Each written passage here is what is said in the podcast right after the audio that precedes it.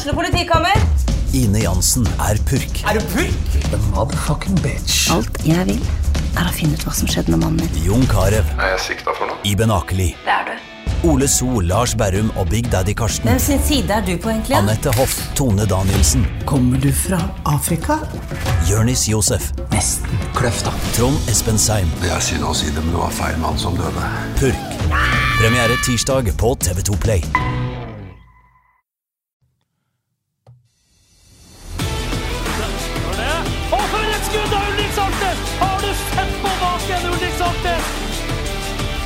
Og så er det skåring! Og så skårer Bodø-Glimt!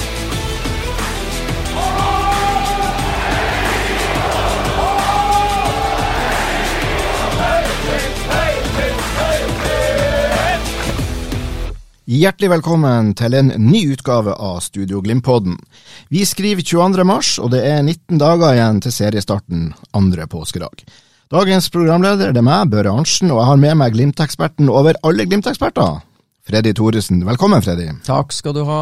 I dag har vi følgende tema på menyen. Vi må selvfølgelig først og fremst snakke om Nikita Aikin. Det er ti dager igjen av vinterens overgangsvindu. Hva kan vi forvente mer, eller kan vi i det hele tatt forvente noe mer? Så må vi innom, så vidt i alle fall, denne pyrodebatten som har tatt fyr igjen. Og så må vi selvfølgelig også snakke litt om cup, både Viking og Lillestrøm. Og så er det skåring! Og så skårer Bodø-Glimt! Freddy, jeg føler at vi må starte med gårsdagens, i mine øyne og i veldig mange andre sine øyne, fantastiske nyhet, nemlig at selveste Nikita Aikin nå er tilbake på Aspmyra. Ja, det var, eh, det var en innholdsrik dag i går, og eh, keeperjakta til Bodø-Glimt har jo pågått kontinuerlig etter at uh, Nikita Haikin valgte å ikke forlenge etter sesongslutt i fjor. og uh, mye er sikkert prøvd. Jeg er rimelig sikker på at førstevalget lenge var Leopold Wahlstedt. Han har ei stor stjerne, i hvert fall hos Glimt-trener Kjetil Knutsen, så eh, de peila nok inn svensken i Odd uh, og jobba lenge med han, og underveis her så har de jobba med masse andre ting også, så til slutt så ender det opp med at de henter tilbake mannen som ikke ville forlenge, altså Nikita Haiken. Og det tror jeg er en ganske ok løsning for Bodø-Glimt, det må jeg bare si. For meg høres det ut som en briljant signering. Ja, altså Man trenger jo i hvert fall ikke å tvile på hva det er Nikita Haikin står for som menneske, som spiller, som person osv. osv. De vet hva de får uh, for pengene de eventuelt investerer i dette. Det, det kommer ingen overraskelser. Du møtte Nikita i går. Uh, hvordan virka han på det? Virka, virka han oppriktig glad, eller fikk du et inntrykk av at han syntes det her var ei, ei løsning han bare måtte ty til for hele tatt å holde seg aktuell i fotballverden? Nei, jeg tror Nikita har, uh, har uh, tenkt i de her banene fra sesongslutt i fjor, og han hadde en drøm om å teste lykken i, i utlandet. Han røpa for meg at det var tilbud fra Israel. Det var tilbud fra Kypros, det var tilbud fra Tyrkia, men det var liksom Han hadde en drøm, og det har han hatt fra han signerte for Bodø-Glimt første gang. Han har alltid hatt en drøm om å spille profesjonelt i England, og det skyldes jo hans bakgrunn med oppvekst i bl.a. England, og har vært innom masse akademi og, og ganske OK klubber på akademi, akademinivå i, i, England, så den drømmen har alltid fulgt han. og eh, så, så han, han håpa jo da på kontrakt med en best mulig engelsk klubb, eller skotsk klubb, eller hva det måtte være. Og, og, men det første signalet var jo det at det tok lang tid før noe formaliserte seg for Nikita da ute. Og til slutt velger han å slå til på en korttidskontrakt med Bristol City. En, en, en avtale som må ha dukka opp i siste liten fordi at Bristol City gav solgt, valgte å selge sin daværende førstekeeper, som på dette tidspunkt sleit på benken. Altså det, Da tenker jeg sånn at han antageligvis hadde litt høyere lønn enn han som da har vunnet keeperduellen i, internt i Bristol City. og De velger å slippe han videre til en annen klubb, og da trenger de en uh, nummer to keeper, og de, de valgte Nikita Haiken. Han testa det, signerte, slo til. Um, Syns det var kult, har lært mye, men han fikk jo ikke spille Du har en irsk eh, O'Leary som har starta alle kampene etter at Nikita signerte, og laget har gjort det helt ok. Keeperen har ikke dumma seg ut, og da blir på en måte Nikita sittende. Så underveis i denne perioden så har nok eh, Nikita tenkt eh, Bodø-Glimt eh, og, og, og hatt dialog med Bodø-Glimt. Og var det rett avgjørelse? Hva var det jeg forlot? Og så videre og så videre. Så for hver dag som går, så får han jo flere og flere svar. Så i går virka Nikita Haikin oppriktig Han er en spesiell type, altså. Han eh, har russisk bakgrunn og er ganske sånn kort i svarene sine når, og snakker veldig bra på engelsk, ikke sant. Men han er litt sånn kortere enn norske spillere i svarene. Veldig kort og kontant. Men det er mye innhold i setningen han, han velger å dra frem. Men, men han eh, han eh, på en måte arresterte eh, seg sjøl i sitt eget svar. Altså Han angra ikke, han har lært mye, men mm. han må spille fotball. Han vil utvikle seg. Og han kan ikke sitte på benken i, i, England. Og han syns han burde fått sjanser. Han har ikke fått noen sjanser. Han tviler på at han kommer til å få sjanser. Så for 14 dager siden ringte jo Håvard Sakariassen litt tilfeldig bare for å høre hvordan det var, og da var Nikita litt mer eh, da hadde tankerekka modna seg også litt hos han. Og da brukte de to uker på å konkludere med at uh, jeg setter meg på flyet og velger å signere for Bodø-Glimt. Jeg tror det er en bra løsning. Det er jo en stund siden han har spilt kamper, da.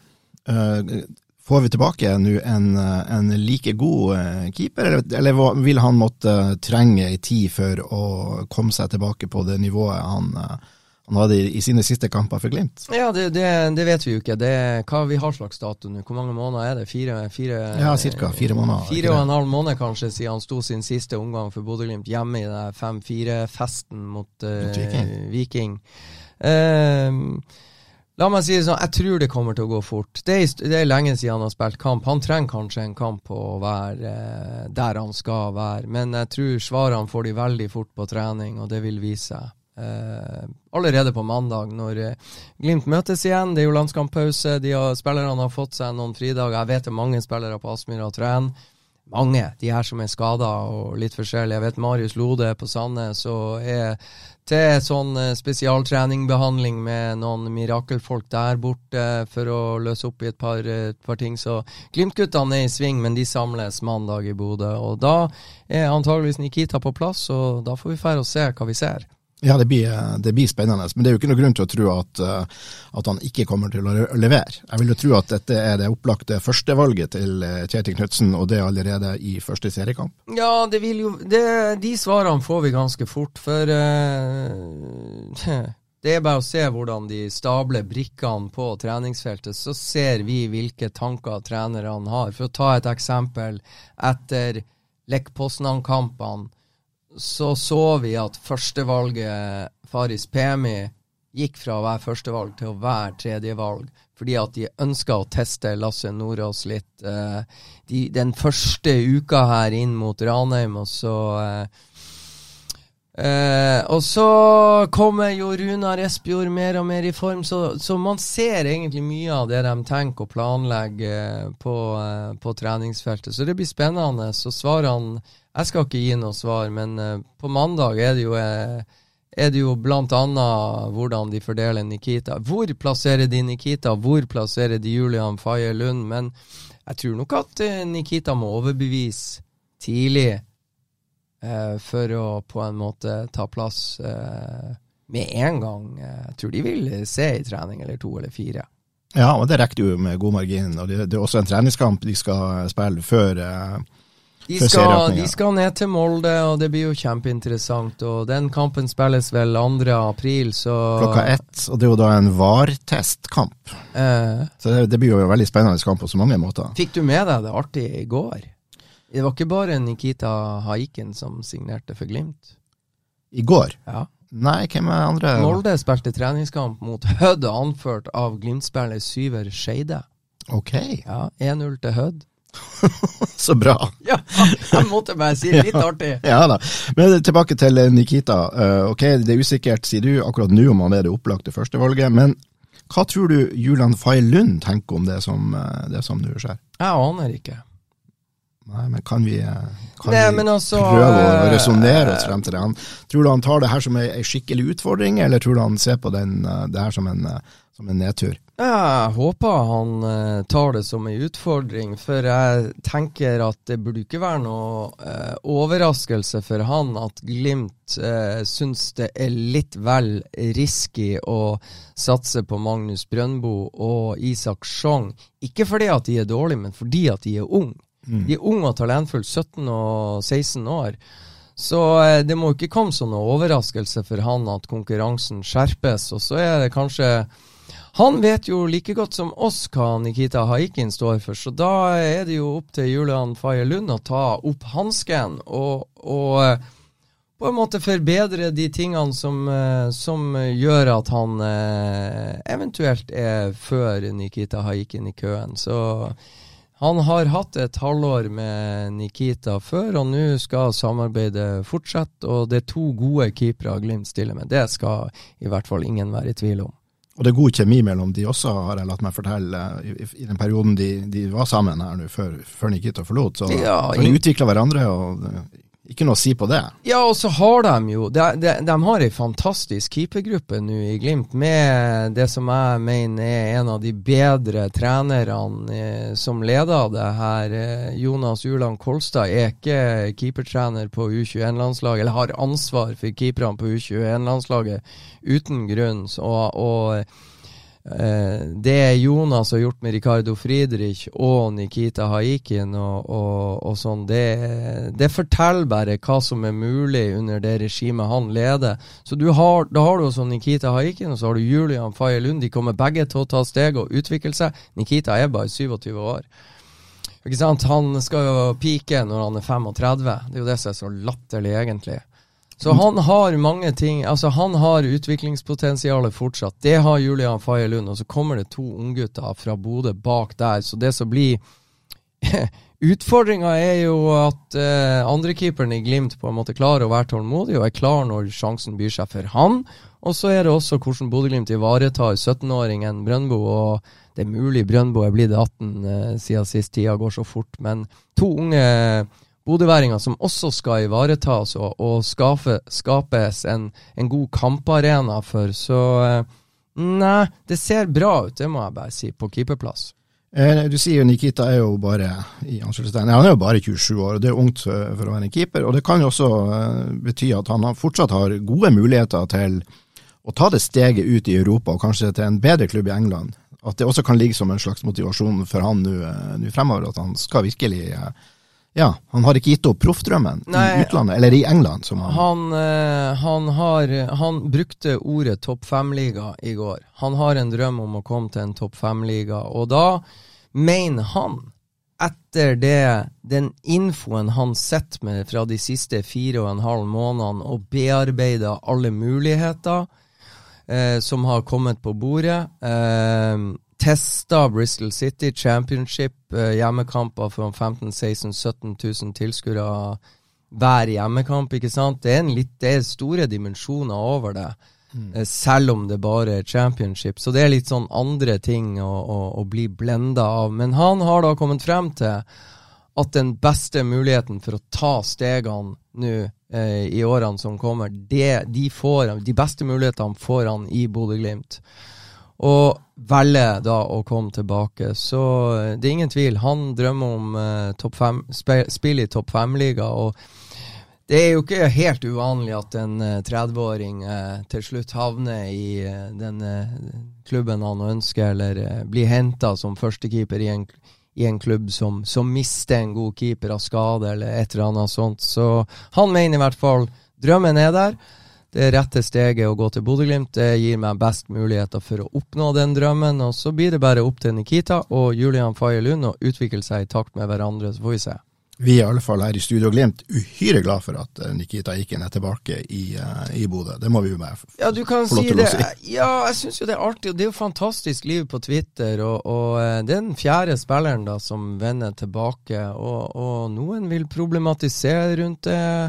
Og, og at eh, Glimt-spillere drar ut og mislykkes og, og, og kommer tilbake da.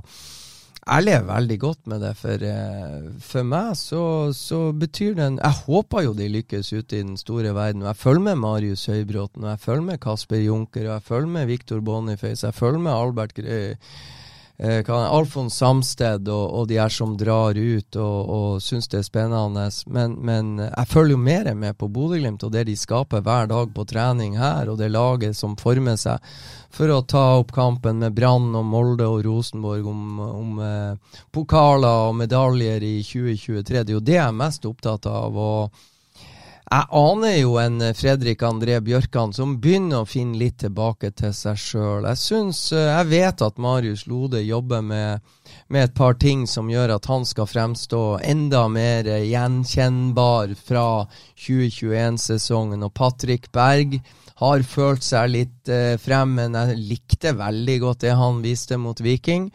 Og eh, Så at gode spillere kommer tilbake til Bodø-Glimt, det lever jeg veldig godt med. For det betyr at eh, Glimt eh, har enda større sjanse til å stille slagkraft i en lang, spennende 2023-sesong.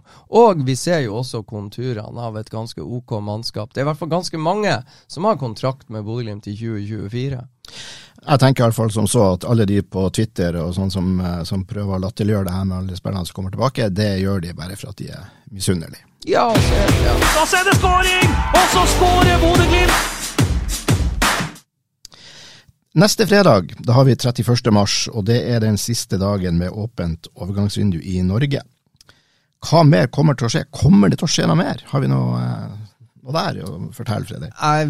Ja, vi vet Glimt holder jo kortene tett. og De prøvde Heldigvis så, så, er jo verden skrudd sånn sammen at man eh, kan få nyss i noen sånne småsaker som er under oppseiling. Det klarte vi i går.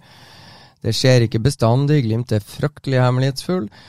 Um, jeg tror jo Glimt har jo egentlig sagt sjøl de har mange spillere under kontrakt, og noen må ut. Uh, hvem det blir, uh, det er vanskelig å spå, men noen må ut. Og det kan bli både to og fire som mm. kommer til å forsvinne før overgangsvinduet stenger. Og så tror jeg fortsatt at uh, det kan komme inn minimum én spiller til. Uh, jeg fulgte jo litt med Håvard Sakariassen i, i, et intervju jeg sjøl gjorde med han. Så bra du fikk med deg det. Ja, jeg prøvde å følge litt med. Og jeg registrerer jo at han han er Han klarer ikke å være kontant avvisende. Han svarer litt interessant på, eh, på spørsmålet med at de har caser, og det er flytende, og de er villige til å slå til hvis det dukker opp noe innenfor de rammene de har satt, osv., osv. Og, så videre, og, så det som jeg har tenkt lenge, er at uh, i og med at Joel Mvuka sånn halvveis ute i sesongen skal til franske Lorient, så, så, så syns jeg det ligger i kortene at en eventuell erstatter for han kan være i søkelyset til Bodø-Glimt. Og så eh, gjør det jo ikke saken noe enklere for Bodø-Glimt i den anledning. Jeg tror jo den prosessen eventuelt er påbegynt, at de har noen kantcaser de jobber med. Men da er det jo eh, deilig, i hvert fall for oss som ser det ut, utenfra, og så er det herlig dilemma for Bodø-Glimt å se innhoppet til Nino Sugell mm, når han overtar plassen for Joel etter 66-67 minutter mot Viking på Aspmyra sist lørdag. Det var jo et meget kraftfullt Vi skal komme tilbake til den kampen. Ja da. Så, så der viser jo Nino Sugeli da, for alt og alle, ikke minst for hele trenerteamet i Bodø-Glimt og det sportslige apparatet, hva som bor i han. Han, viste, han har vist det på trening, og alle vet om eller har hatt mistanker om X-faktoren. Nå mm. dro han jo frem X-faktoren på, på, øverste hylle i en kvartfinale i cupen, når klubben hans trengte det som mest på stillinga 1-3. Um, så, eh, jo, så vi, vet vi jo at de jobber med de astmaplagene som de har hatt en mistanke om. For han har ikke respondert helt eh, etter boka på den trening på den treninga Glimt gjennom eh, Eller den trening, det treningsregimet Glimt-spillere står i.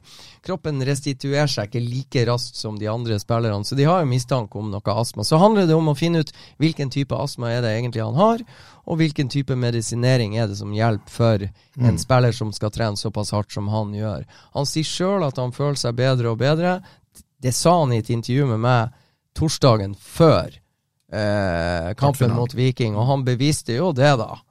For, For å si det forsiktig. ja, for, for å si det forsiktig. Sånn at, men jeg tror en kantspiller kan være um, kan være, være under oppseiling. Men du, nå snakker du høyresida, men eh, det som flere har, eh, har eh, vært litt opptatt av, det hvis nå Pelle Grino ikke skulle slå til eller få trøbbel med, med skade, ikke komme seg helt, hva har vi der å, å, inn? Ja, det er et herlig spørsmål, for kanskje er det en eh, venstrekant de leter etter. Ja, for jeg klarer ikke helt å se at vi har en sterk nok erstatter der, kanskje, men ja, jeg vet ikke. Nei, men så er jo det der med kantspillere er jo noe av det mest fascinerende med Bodø-Glimt de siste årene, for å ta i storhetsperioden. Og nå kan vi jo dvele litt med Altså, når Amola Joni kom til Bodø-Glimt i 2017 fra Elverum De første skåringene for Glimt satt han fra høyrevingen. Mm. Så ble han til slutt venstreving og slo igjennom eh, for Bodø-Glimt på øverste nivå som venstrekant. Og så har vi i 2017 Hvem var det som spilte høyreving og hadde massevis til 10-15 målgivende? Det var Jens Petter Hauge. Hvor slo han til? Jo, det var jo på venstre ving etter at Amol Ajoni hadde dratt til Egypt. Mm. Så har du Ola Solbakken, som etter hvert sto klar og erstatta Jens Petter Hauge på venstrevingen. Men hvor var det Ola Solbakken eksploderte i helgult? Jo, det var jo som høyreving, fordi at Amahl Pellegrino ble henta fra KBK og skulle legge beslag på venstrevingen. Så flytta de Ola Solbakken over til høyre. Og jeg syns Ola Solbakken hadde vært spennende og bra som venstre ving. Men han ble jo helt fantastisk. Verden, han ble jo ellevill som høyreving, for da kunne han skjære innover og curle ballen i mål sjøl. Han kunne gå utvendig, innvendig osv. osv. Og og det som skjedde på høyrevingen med Olav, var at han på en måte utfordra hver gang. Så det som er så steike spennende med kantspillere, det kan jo være venstreving i en sesong eller to, og så plutselig tilfeldig havner du på høyre, og da slår du ut i blomst. Og motsatt. Mm. Så eh, da er stikkordet til mitt det jeg ønsker, er en sånn eh, en god kantspiller. Uansett om høyre eller venstre. Eller, Ja, så får de finne ut, altså. Men gjerne en som kan være en trussel. Altså en man har en mistanke om kan løse det eller det. En annen ting jeg ser Sondre Sørli, da, som har spilt en del eh, venstreving i denne oppkjøringa.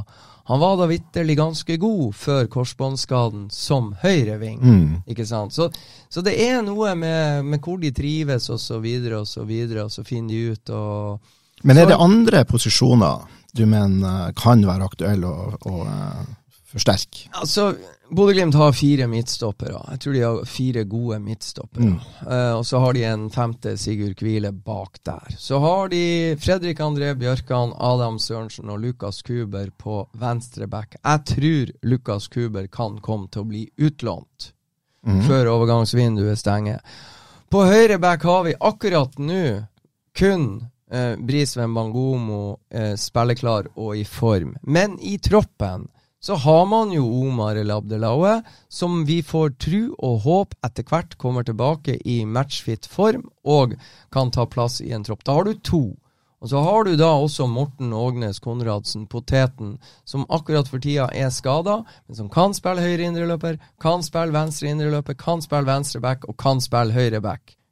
Ikke sant? Så har du unge Fredrik Sjøvold, som er midtbanespiller, men som i ny og ne må eh, bekle høyre back-rollen. Og uansett om han må spille høyre back eh, avslutningsvis eh, i en treningskamp mot Ålesund, så kommer jo han til å bli en bedre midtbanespiller av å løse oppgavene han må løse som eh, høyre back. Så du har på en måte fire potensielle der.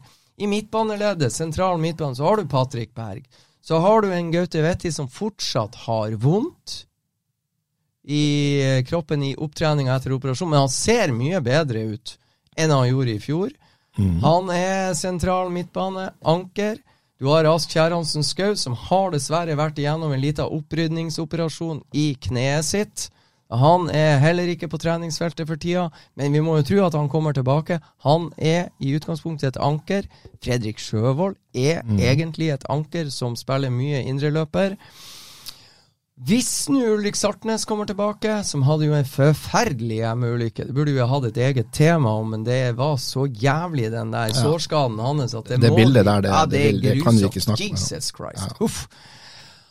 Hvor har han gjort sine stand-in i ny og ne? Jo, som sentral midtbane. Så du har en Det jeg prøver å si her, å tegne et bilde av fleksibilitet i troppen til Mm. Bodø-Glimt. Og det er noe Kjetil Knutsen og trenerteamet er veldig opptatt av. Og den fleksibiliteten har de. Så jeg tenker jo Mm. Også på indreløperplass. ja, så kan vi jo gå til indreløper. Du eh, å, jeg, skal, jeg skal være veldig forsiktig med å si det. Eh, for ja, av redd, Vi er jo litt overtroiske her, da. Men han er ganske god, han som spiller høyre indreløper, as we speak. Ja, han- Hva heter, hva heter han? Hugo er rimelig bra. Hugo Vetlesen. Jeg, jeg snakka med en trener som har meget høy erfaring på telefon denne uka. Han har meget høy erfaring i norsk fotball. Jeg skulle spørre han om et par eh, styrkeforhold Bodø-Glimt og andre lag sett fra hans ståsted. Han trener et, eh, et OK norsk fotballag, denne treneren. Jeg skal ikke nevne navn. Han har altså bare lagra diverse videosnutter av Hugo Vetlesen, som han bruker inn mot sine spillere, bare som et bilde på hvordan skal det gjøres. Mm. Han, han er fantastisk. Ah, det er fascinerende å tenke på, men Hugo er ganske bra, la oss være enige om det. Og den siste ja, ja, egentlig Bodø-Glimt Viking i cupen på Aspmyr, han drev jo en egen idrett. Mm. Jeez, uff. Han er god. Så har vi da en Morten Ågnes Konradsen i troppen, men eh, Sondre Brunstad Fet var og gjorde en opprydningsoperasjon i sitt kne. Han ser forrykende god ut. Det er bare å si enn så lenge. Ja. ja.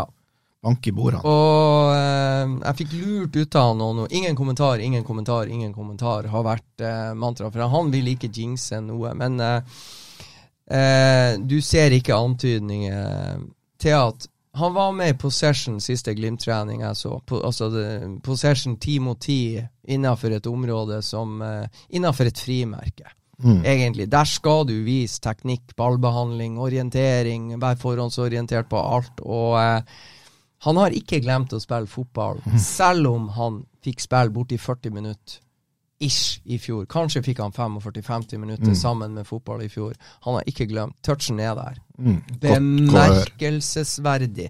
Så det må, måtte det bare fortsette. Så da har du tre høyre Mm. indreløpere. Og vi vet vel egentlig, eller det er veldig sannsynlig at, eh, at Hugo uh, forsvinner i sommer. Eh, det vet vi jo ikke. Nei, men, Men eh, det hvis han fortsetter å, å gjøre det han gjør, gjorde f.eks. nå på Aspmyra, så eh, Jeg skal si to ting til angående Hugo. ja.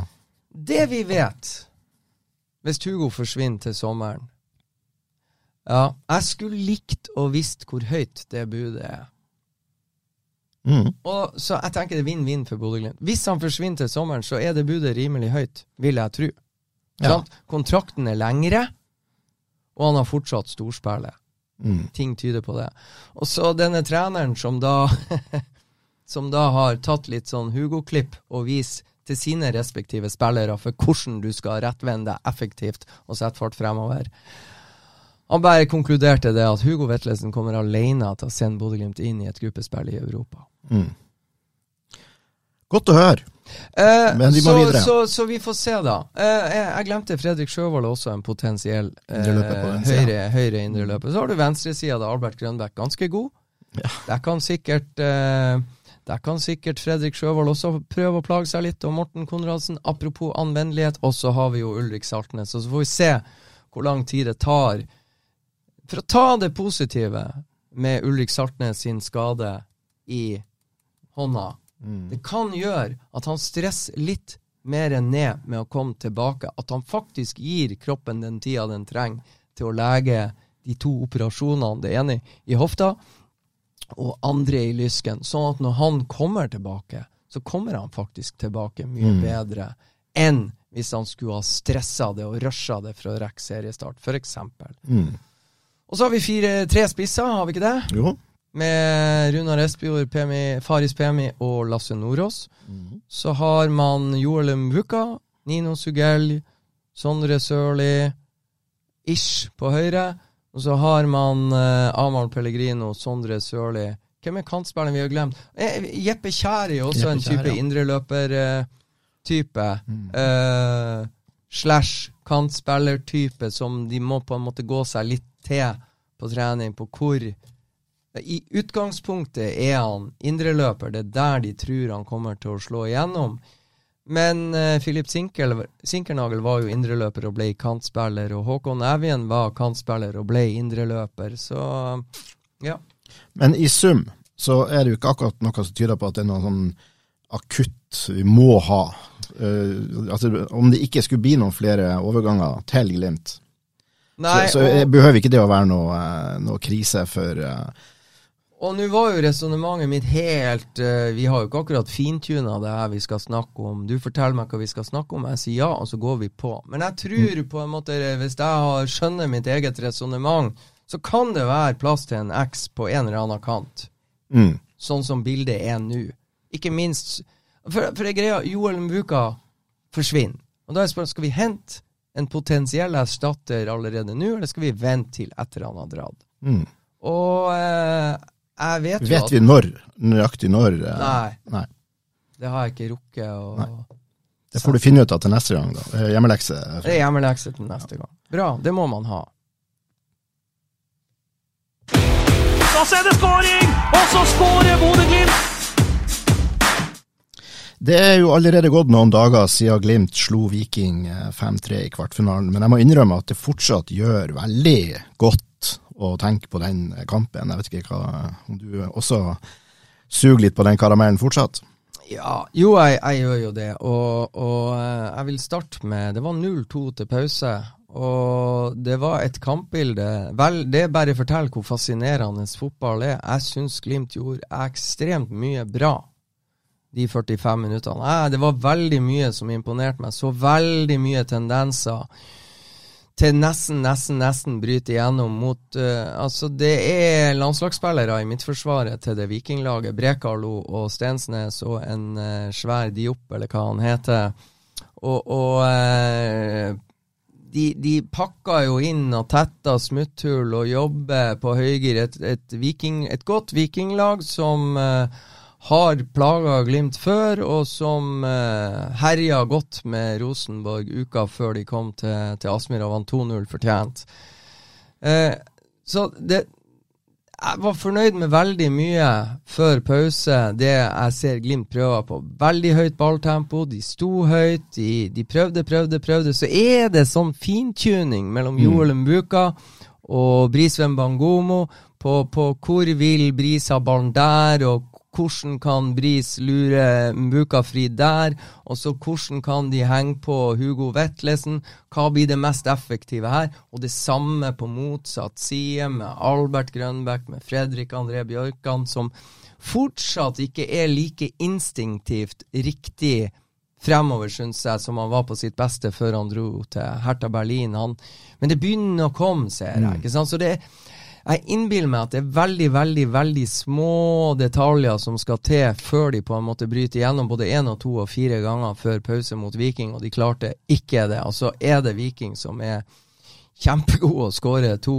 Ja, ja, andre mål er dårlig duellering i Glimt-boksen, uh, i egen boks på en dødball rett før pause. Det må bli bedre. Den eh, kontringa som kommer da Salvesen vinner ballen og Brede og Marius Lode er overoffensiv, så eh, er Tripic igjennom. Ok, det skjer når man er så offensiv i trynet som Glimt gjør, men eh, jeg tipper Brede og Marius lærer av det, og jeg tror ikke det hadde vært veldig mye enklere om du hadde hett Isak Amundsen og Odin Bjørtuft og løse akkurat den når de står på 40 meter fra Viking sin keeper, og bruddet kommer. Mm. Og ikke minst når det er tripitch som ligger og kan dyttes igjennom. Eh, Klok spiller, da. ja. Og, nei, men, eh, og så ser vi da eh, Det Viking lykkes med, har sin pris eh, når eh, kampen vipper 60 minutter. Eller 55. Det blir smutthull. Mm. De smutthullene blir stadig større. Føttene til vikingspillerne flytter seg stadig Litt saktere, saktere. Eh, klareringen blir mer og mer upresis. Det er tydelig at de eh, sliter med å gjøre de riktige vurderingene når det er stor bevegelse og mye trafikk rundt seg. Og dette utnytter jo da Bodø-Glimt råere og råere og råere. Og eh, til slutt 5-3. Meg imponert. Det Glimt får ikke sant, denne reduseringa til 2-1 med, med Espejord. Og så får de en ny karamell i trynet. Tenk for en karamell i trynet det er å få 0-2 rett før pause. Du har rundspilt dem. Mm. Så kommer de inn til pause. Nei, det er ikke 0-1, det er 0-2. What is this? Og så får de da 2-1. Og rett etterpå det har Amahl Pellegrino ballen i rett posisjon. Det er rett spiller. Det er bare curlene i langhjørnet. Det er vel snakk om fem Ja, centimeter. veldig nært. Veldig nært. Ja. Og så går Viking opp til 3-1. Mm. Dæken, da får du en ny karamell. Du får en karamell i trynet med at Amahl ikke setter den. Du får en karamell i trynet at istedenfor 2-2 så blir det 1-3. Og så bare dundrer de på. Mm. Dæken, det er, det er mental styrke i den gjengen der òg. Det, det må jeg bare si. Jeg kan ikke skjønne noe annet. Nei, det, det, var, det var imponerende på så mange nivåer. Men jeg har bare lyst til å dvele litt med de, de, de tre baklengs. Ja. Og jeg kan godt være med på at eh, målet nummer to til Viking er veldig flaks. Det er, altså, Ballen havna sånn. Nei, det er ikke bare flaks, det er for dårlig. Ja, de burde ha klarert det. Ja da, men, eh, Fredrik André Bjørkan blir litt sånn Men det er tilfeldig. Ja, det Ja. er det. Og det er kjipt, og det er vanskelig. Men det tredje målet, Ja. eh, som eh, kommentatorene i, i NRK, Åge Hareide som sa at det var en, en, eh, en keepertabbe av- alene. Jeg vet ikke hvordan du ser på det, men det, det var vel også litt sånn smått defensivt av, av Lode. Han, jeg syns ikke det virka sånn han var helt obs på hva han hadde i ryggen der, eller om han akkurat han ikke tok opp kampen helt. Kanskje han trodde det at det her skulle Faye Lund ordne. Hvordan ser du den? Mm, den har jeg analysert ganske kraftig. Jeg hørte hva Åge Hareide sa. Jeg er nysgjerrig på det der sjøl. Jeg har snakka med keepere. Ikke Faye Lund, men jeg har snakka med keepere. Jeg har snakka med sidebacker. Jeg har snakka med trenere. Jeg har snakka med Lode. Eh, det hele starter med litt sånn eh, offensiv eh, Litt sånn dristig pasning av Brisveen Bangomo. Eh, til en uh, Glimt-spiller eh, litt høyere i banen uh, som, som ikke har gode sjanser på å vinne den pasninga, eller få kontroll på den pasninga han får fra Bris. Så, sånn skaffes uh, dette bruddet. Mm. Og så er da Bris feilplassert når ballen havner ute tilbake på hans side, og denne vikingspilleren får slå inn. Og jeg tror at uh, det er mulig å være mer offensiv enn Faye Lund var.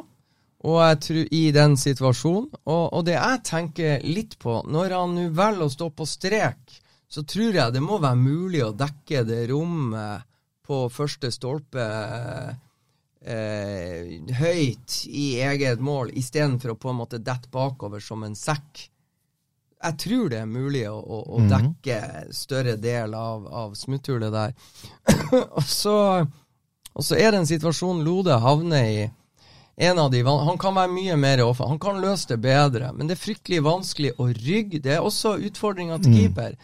Det er vanskelig å rygge inn i det ukjente og ha nok sats når du hopper opp, kontra en som er helt annerledes posisjonert. Fordi at Salvesen er jo posisjonert til, for å angripe ballen.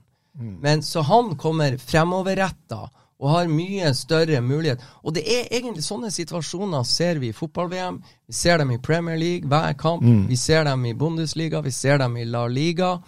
Det er ofte innlegg fra motsatt side, så ser du en sideback som kommer og prøver etter beste evne å rygge inn i en situasjon, så kommer det en stor, sterk spiss og bare torpederer alt og knuser til å vinne. Så det er en jækla kjip situasjon. Men det er tre spillere involvert, og jeg tror alle tre kunne ha gjort en bedre jobb enn de gjorde i den situasjonen.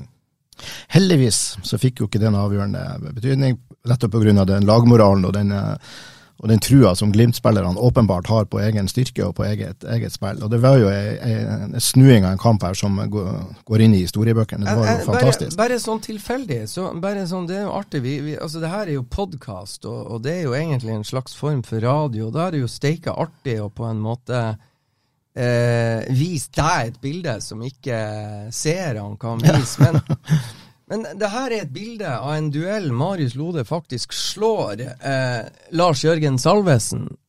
Eh, ser du utgangsposisjonen til Marius Lode? Ja da, nå ser vi at Marius Lode er Ja, altså, han, han, han er der i knestående nærmest og får på en måte brukt all kraft og spenst til å på en måte komme seg en halvmeter høyere.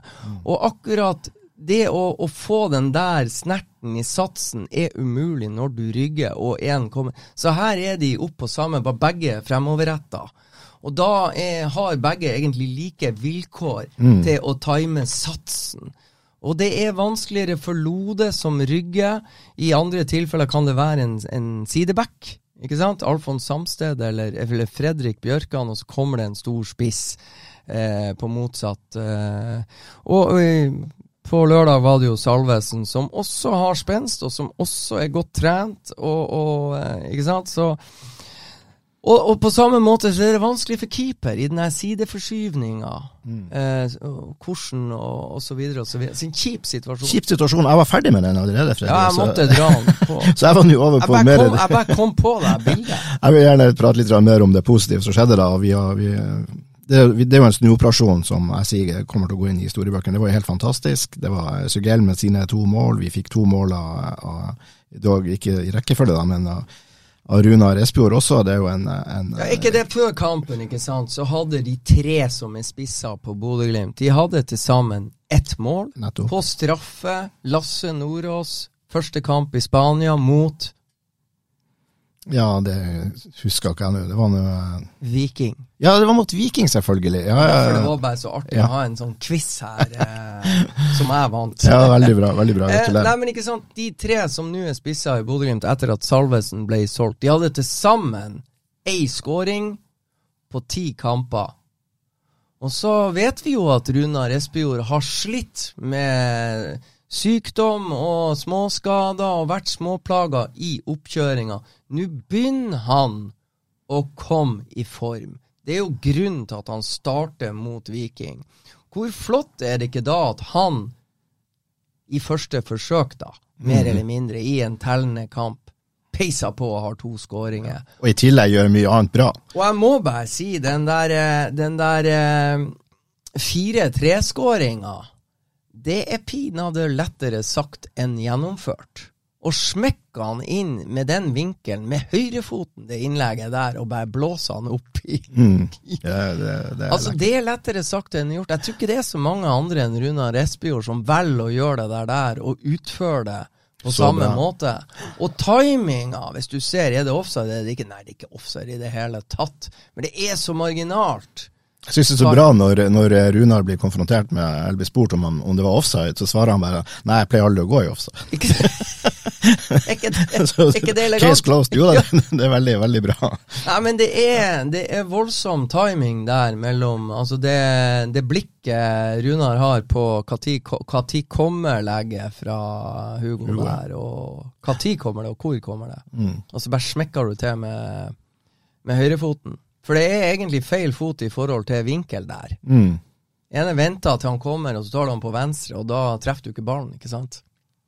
Nei, det var en, det var en herlig uh, lørdagskveld på, uh, på Aspmyra, ikke noe tvil om det. Og dagen etterpå så ble det jo klart at eh, Tromsø ble, ble for svakt mot, eh, mot Lillestrøm, og ergo blir det Lillestrøm vi skal møte i, eh, i semifinalen den, eh, ja, hva er den 26. April. april klokka 20.15. Ja. ja. Og eh, hva tror vi om det? Eh, jeg vil bare så innledningsvis bare sånn statistisk si at nå har vi Altså, vi, som har fulgt med Glimt i, i veldig mange år, årtier, vi er jo vant med at eh, Lillestrøm er det store problemet. Altså, Lillestrøm var det største problemet til Bodø-Glimt helt til Kjetil Knutsen satte kursen mot Aspmyra. Riktig. Vi har ikke tapt for Lillestrøm siden oktober 2015. Vi har møtt de elleve ganger siden Smak, da. smak på den, du. Ja, og da, på de elleve gangene så har vi seks seire, og så har vi fem uavgjorte. Og ikke minst de to siste oppgjørene på Åråsen har endt 0-1 og 1-4. Ja, men der må vi bare øyeblikkelig slå fast at de kampene gikk ganske seint på, eh, på året, mener jeg å huske. Og da var Åråsen i perfekt stand. Det kommer ikke Åråsen til å være nå den 26. april. Det er helt rett, Børre. Det er helt rett. Og en, et artig poeng, bare sånn, vi må jo leke litt med tull og vas. Jeg håper, jeg håper på en gjentagelse av semifinalen i 2003. Eh, Tromsø-Bodø-Glimt 0-3. Det var det jeg håpa på. Jeg skal innrømme det. Kunstgress og Bodø-Glimt skal opp og smadre lillebror. Eh, Nå blir det Lillestrøm i semifinalen. I fjor var det Lillestrøm i kvartfinalen og Viking i semifinalen. I år blir det altså Viking, ble det Viking i kvartfinalen og Lillestrøm i semifinalen. Så er det de samme to lagene, faktisk. Så, Ja, men forskjellen er jo da at i år skal denne semifinalen spilles på ei På Åråsen. på Åråsen. Jeg, jeg, jeg vil tro er ganske dårlig gressmatte, og mitt poeng der er at det tror jeg er større fordel Lillestrøm enn det er Bodø-Glimt. Ja, i utgangspunktet skal du ha rett. Uh, I utgangspunktet skal du ha rett. Og jeg så um, Men jeg tror Bodø-Glimt har gode muligheter. Det Ja, er, det er et lag det. Som, ja, ja. eh, det er et lag som uh, har noe å revansjere etter sist gang de var på Ullevål. De har vært på Åråsen før. Det er, jeg tror Før de her to seirene til Bodø-Glimt, så tror jeg det har vært eh, 0-0 og 1-1. Så det begynner å bli noen år siden de har tapt på Åråsen også. Så må jeg bare si jeg tror eh, Geir Bakke og eh, Lillestrøm Det de har slitt med med Bodø-Glimt, er at de eh, har stor respekt for styrkene til Bodø-Glimt. Og og eh, Nei, jeg tror det blir en forrykende kamp mot et godt Lillestrøm-lag som har Thomas Lene Olsen og Akur Adams på topp. Og de, de, eh, de har mista en del spillere òg, så det er en del nytt som må kjøres inn og fintunes også for Lillestrøm. Igo Ogbu er borte, og Stian Gabrielsen er kommet inn. og men Glimt har en veldig god midtbane, og jeg anser at eh, de har fotrapet, de har eh, duellstyrke, de har gjenvinningskraft. Så det blir en steike interessant sjakkmatch på trenerbenken mellom Geir Bakke og hans team og Kjetil Knutsen og hans team. Så det er bare å glede seg. Det er to veldig gode lag som møtes. Så i utgangspunktet, med det jeg har sett til nå, så holder jeg at dette Glimt-laget hakket sterkere enn eh, Lillestrøm. Men det betyr ikke at det At det blir lett match Nei. på noen måte. Nei, nei. Og du poengterer, det blir kjempespennende. Jeg tror Åråsen-matta kan være bedre enn fryktet til denne kampen. Men la meg si det sånn, jeg vil ikke ha spilt neste kamp på Åråsen etter semifinalen mellom eh, Bodø-Glimt og Lillestrøm, for den tror jeg kommer til å være verre. Mm. Vi gleder oss Får oss. du tolke det? Det, vi gleder oss uansett. Da ser det skåring! Og så skårer Bodø-Glimt! Så avslutningsvis litt om, eh, la oss kalle det for utenomsportslig, eh, nemlig denne pyrodebatten som jo har tatt fyr igjen etter at det ble kjent at Glimt som klubb utestenger flere supportere i opptil 20 kamper på Aspmyra. Og det er en reaksjon som kommer etter at eh, disse samme supporterne har fått flere fått bøter på flere tusen, tusen kroner. Og, nu, og i, i, som en reaksjon på dette så har det da vært mye mye krangel og mye diskusjon eh, om er dette rett, og, osv. så videre. Så jeg vet ikke hvor du står i, eh, i pyrosaken akkurat nå, Fredrik. Freddy. Nei, jeg, jeg, jeg, egentlig, eh, jeg har egentlig aldri brydd meg, men jeg blir veldig sånn undrende. La meg si min undring starta veldig når jeg så Sandefjord, Odd, på Konsto Arena i cupen. 4-0 til pause til Sandefjord. Jeg, jeg husker ikke hvor mye det var, 4-1 kanskje. Det var altså, Jeg har ikke sett maken til pyro. Det er kanskje 2500 tilskuere, men det var jo så mye bluss og moro i begge supporterleirene at eh, jeg skjønte egentlig ingenting. Så, så eh, bluss er inn eh, blant supportere, det er det jo ingen tvil om. I hvert fall sør i landet. Men det jeg syns er så trasig med det her, det er at Bodø-Glimt har det er ikke bare Bodø-Glimt som har vokst og blitt eh, gigantisk og, ta, og, og, og, løst fremgang, eller eh, oppturene og fremgangene de siste årene på imponerende vis. Det har altså Måten J-feltet og supportergrupperingen har vokst, det er formidabelt. altså. Og jeg skal ikke lenger tilbake til Det var vel en Arsenal eh, kom en tweet fra en eh, engelsk journalist da, da Arsenal ble slått ut av Sporting Lisboa her i Europa League på straffekonk og tjo og hei. Han be Sporting Lisboa-fans, men det var ikke i nærheten av de gule fra Bodø, som Mm. da hadde vært Ja, med sine og, og det er på en måte interessant, altså. Uh, så J-felt og supportergrupperingen både på hjemmebane, på bortebane, sør i landet eh, og ute i Europacupen, det er formidabelt det supporterne og Glimt-fansen har gjort. og jeg fatter og begriper ikke at ikke det går an å ha diskusjoner på et annet nivå enn det jeg oppfatter at for, for de vil jo det samme. Ikke sant? Og de, de, er nødt til å spille på lag. De er på et vis litt avhengig av hverandre. Og Glimt sjøl, og ikke minst spillerne og trenerne, hyller jo J-feltet og gjengen og Glimt i sør i alle mulige sammenhenger, og det er velfortjent. Så hvis det er noen da som har gjort noe som er ulovlig, så har de jo fått sin straff i form av bøter. Og det jeg ikke forstår, som sikkert er betalt, om det er Glimt eller supportere, det vet jeg ikke. Men bøtene er antageligvis betalt, jeg håper det. Men den der dobbeltstraffen stiller jeg meg undrende til. Det, det, virker som at dialogen er så konfronterende. Mm. Så jeg skulle ha ønska at begge parter hadde vært villige til å sitte seg ned og på en måte prøvd å komme til enighet. Jeg syns det er Altså La meg si en, en, en niåring i dag, han var fire når oppturen til Bodø-Glimt starta. Og, og, og, tilværelsen for en som er ni år eller ti år og ung og lovende fotballinteressert gutt eller jente i Bodø i dag Virkelighetsoppfatninga til denne tiåringen er at Bodø-Glimt har vært Norges beste klubb, om ikke verdens beste klubb, i hele hans eller hennes liv. Og det er jo faktisk sant, for de vet ikke noe annet virkelighet, de som nå er ni og ti år. Og Det må vi ta inn over oss. Det bør Glimt ta inn over seg. Det bør supporterne ta inn over seg. Så må de snakke sammen. Og det må da være mulig, når alt bare er rosenrødt, hvorfor i svarte skal det bli konfrontasjoner om bluss og bøter? Mm. Når, når de har et formidabelt lag, og de spiller inn Økonomisk sett har det aldri sett bedre ut. Og, og alle snakker om eh, positivitet og engasjement og gleder seg. og Nikita Haikin landa på flyplassen i går, og det er fyr i hele byen. og Han er en stor profil som veldig mange er blitt glad i. Han er ikke nordlending, han er ikke norsk, men det er steike mange som er glad i Nikita Haikin, og digger han. Det skal ingen være i tvil om. Han er den profilen, vet du.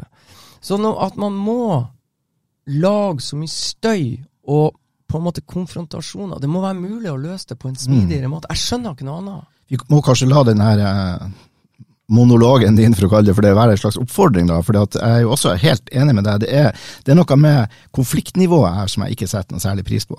Ja. Og det burde, vi bor jo i en, det er jo en relativt liten by. Det det, fortsatt er det jo en, en ganske liten klubb. Det er få folk involvert. Det burde være mulig å sette seg ned og, og, og ja, rett og slett bli enig. Om så det er å bli enig om å være uenig, men at nå virker det så veldig konfronterende. Og ikke bare fra Glimts side, selv om de har vært litt hissige på grøtten med utestengelser. Så føler jeg også at det er en del supportere som kanskje er litt vel eh, aggressive i sin tilnærming til det her. Så begge parter har på en måte Uh, ikke, det, altså Ingen av disse partene som virker spesielt interessert i at la oss nå få prata ut om det her og bli enige om skikkelige kjøreregler. Sånn her, her gjør vi det. Altså, for å si det sånn, vi, vi kan dra tilbake til cupkampen mellom Bodø-Glimt og Elverum i 2017. Da var det, og Bodø-Glimt rykker ut på straffekonk. Da var det 615 tilskuere på Aspmyra. Hvor jævla artig er det å stå bluss foran et lag som ryker ut av cupen mot Elverum? Det er nå ikke så jævla artig. Så det var en lita sånn oppfordring til de som er opptatt av bluss. Eh, og så har du Bodø-Glimt, da. Hvor jævla artig var det? Altså, den best besøkte fotballkampen i 2019. Sølvsesongen med Håkon Evjen, årets spiller osv. osv. Bodø-Glimt tar et sensasjonelt sølv, og vi tror dette er det største vi kan oppleve med å følge Bodø-Glimt. Det at de tar sølv overraskende. Alle dømte Bodø-Glimt ned på nedrykk, og så tar de sølv. Den best besøkte kampen var mot Tromsø hjemme. 4258 tilskuere, eller noe sånt. Nå, i skrivende stund, og vi sitter her, vi skriver ikke, vi prater, så har Bodø-Glimt solgt 4513 sesongkort. Da er det artig å skape litt eh, pyro og bluss og moro og fanteri, og jeg tror det, kom, jeg tror det kommer til å komme flere tilskuere. Men, men gjør det nå Gjør det nå ikke i smug. Prøv nå å inngå avtaler med brannvesen og få tillatelse, og så gjør det sånn eh, og, og, og for Glimt sin del, altså det å gi 15 kamper karantene Jeg har hørt Det er ikke lenge siden Tove Mo Dyrhaug var leder på Aspmyra Nei, på Aspmyra, på Lerkendal. Og eh, kjernen fyra opp bluss, og hun eh, Ja ja, det var 30 000 i bot der, som Rosenborg betalte. Og Jeg syns jo ikke det er så kult at Rosenborg eller Bodø-Glimt må betale 30 000 per kamp, men det må gå an å bli enig om når, når det er så mye positivt å ta tak i. Glimt-fansen er så formidabel, og laget er så sterkt og bra. Og de gjør så mye kule grep administrativt, og klubben vokser osv. osv. Det må da gå an å snakke sammen om de tingene her og finne ut av det. Skulle tro det. I don't know. Nei, men, eh, men eh, vi lar det være ei, ei, eh, soleklar oppfordring til begge partene, for å kalle det for det. De er jo egentlig ikke parter i den forstand, men i, i, akkurat i denne saken så føler jeg behov for å uttrykke at eh, sett dere ned, bli nå eh, enige, så får vi eh, bort alle disse episodene med utestengelser og dårlig stemning mellom enkelte supportere og Glimt-ledelsen. Vet du hvor lenge vi har prata nå? Det vet jeg. Hvor lenge? 55 minutter. Og jeg tenkte jeg bare helt avslutningsvis skulle nevne en annen sak som er i ferd med å bygge seg opp, som kanskje kan bli den nye pyro-debatten. Og Det er jo noen på Twitter som er i harnisk over at pølsebrødene på Aspmyra er så tørre. Det tror jeg vi må ta en sjekk på og komme tilbake til eh, når vi hadde den første eh, hjemmekampen om det virkelig, om virkelig stemmer. Vi kan jo ikke ha tørre pølsebrød. Det, det, det, går ikke. Altså, det, ærlig talt. Vår lille mistanke her er jo at de ligger igjen fra 5-4-seieren ja. over Viking i fjor, og så kommer Viking, og så tenker vi at vi vi tar disse gjenbruk. Og det får da, gå, det får da hver måte på gjenbruk. Og, det får hver måte på. Ok, det var det vi hadde i denne utgaven av Studio Glimt. Vi er tilbake ganske snart, og husk, det er på an.no du må være hvis du skal få med deg det siste om Bodø-Glimt. Og for et skudd av Ulrik Saltnes! Har du sett baken, Ulrik Saltnes? Så er det skåring, og så skårer Bodø-Glimt!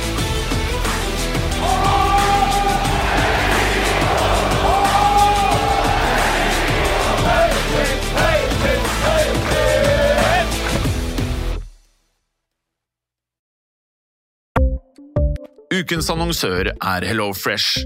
HelloFresh er verdens ledende matkasseleverandør og kan være redningen i en travel hverdag. Mange av oss har nok vandret i butikken både sultne og uten en plan for middagen, som ender med at vi går for de samme kjedelige rettene gang på gang. Middag burde være dagens høydepunkt. Som HelloFresh kan du nå velge mellom 25 ulike retter hver eneste uke, eller få HelloFresh til å sette sammen menyen for deg. Dette gir deg muligheten til å prøve nye og spennende retter alene eller sammen med familien. Du velger antall porsjoner og får alt levert på døren på et tidspunkt som passer for deg. Oppskriftene er enkle, og maten er lett å lage både for store og for små. Ved å få alt levert hjem får du også mer tid til å dele matgleden med familie og venner. Kanskje det frister med asiatiske tacos eller greskinspirert kylling? Da kan jeg anbefale deg om å gå inn på hellofresh.no.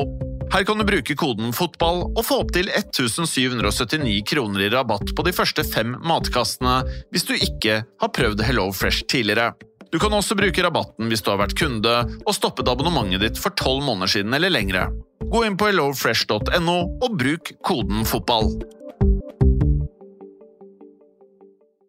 Har du et enkeltpersonforetak eller en liten bedrift?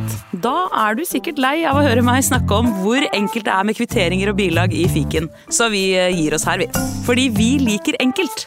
Fiken superenkelt regnskap.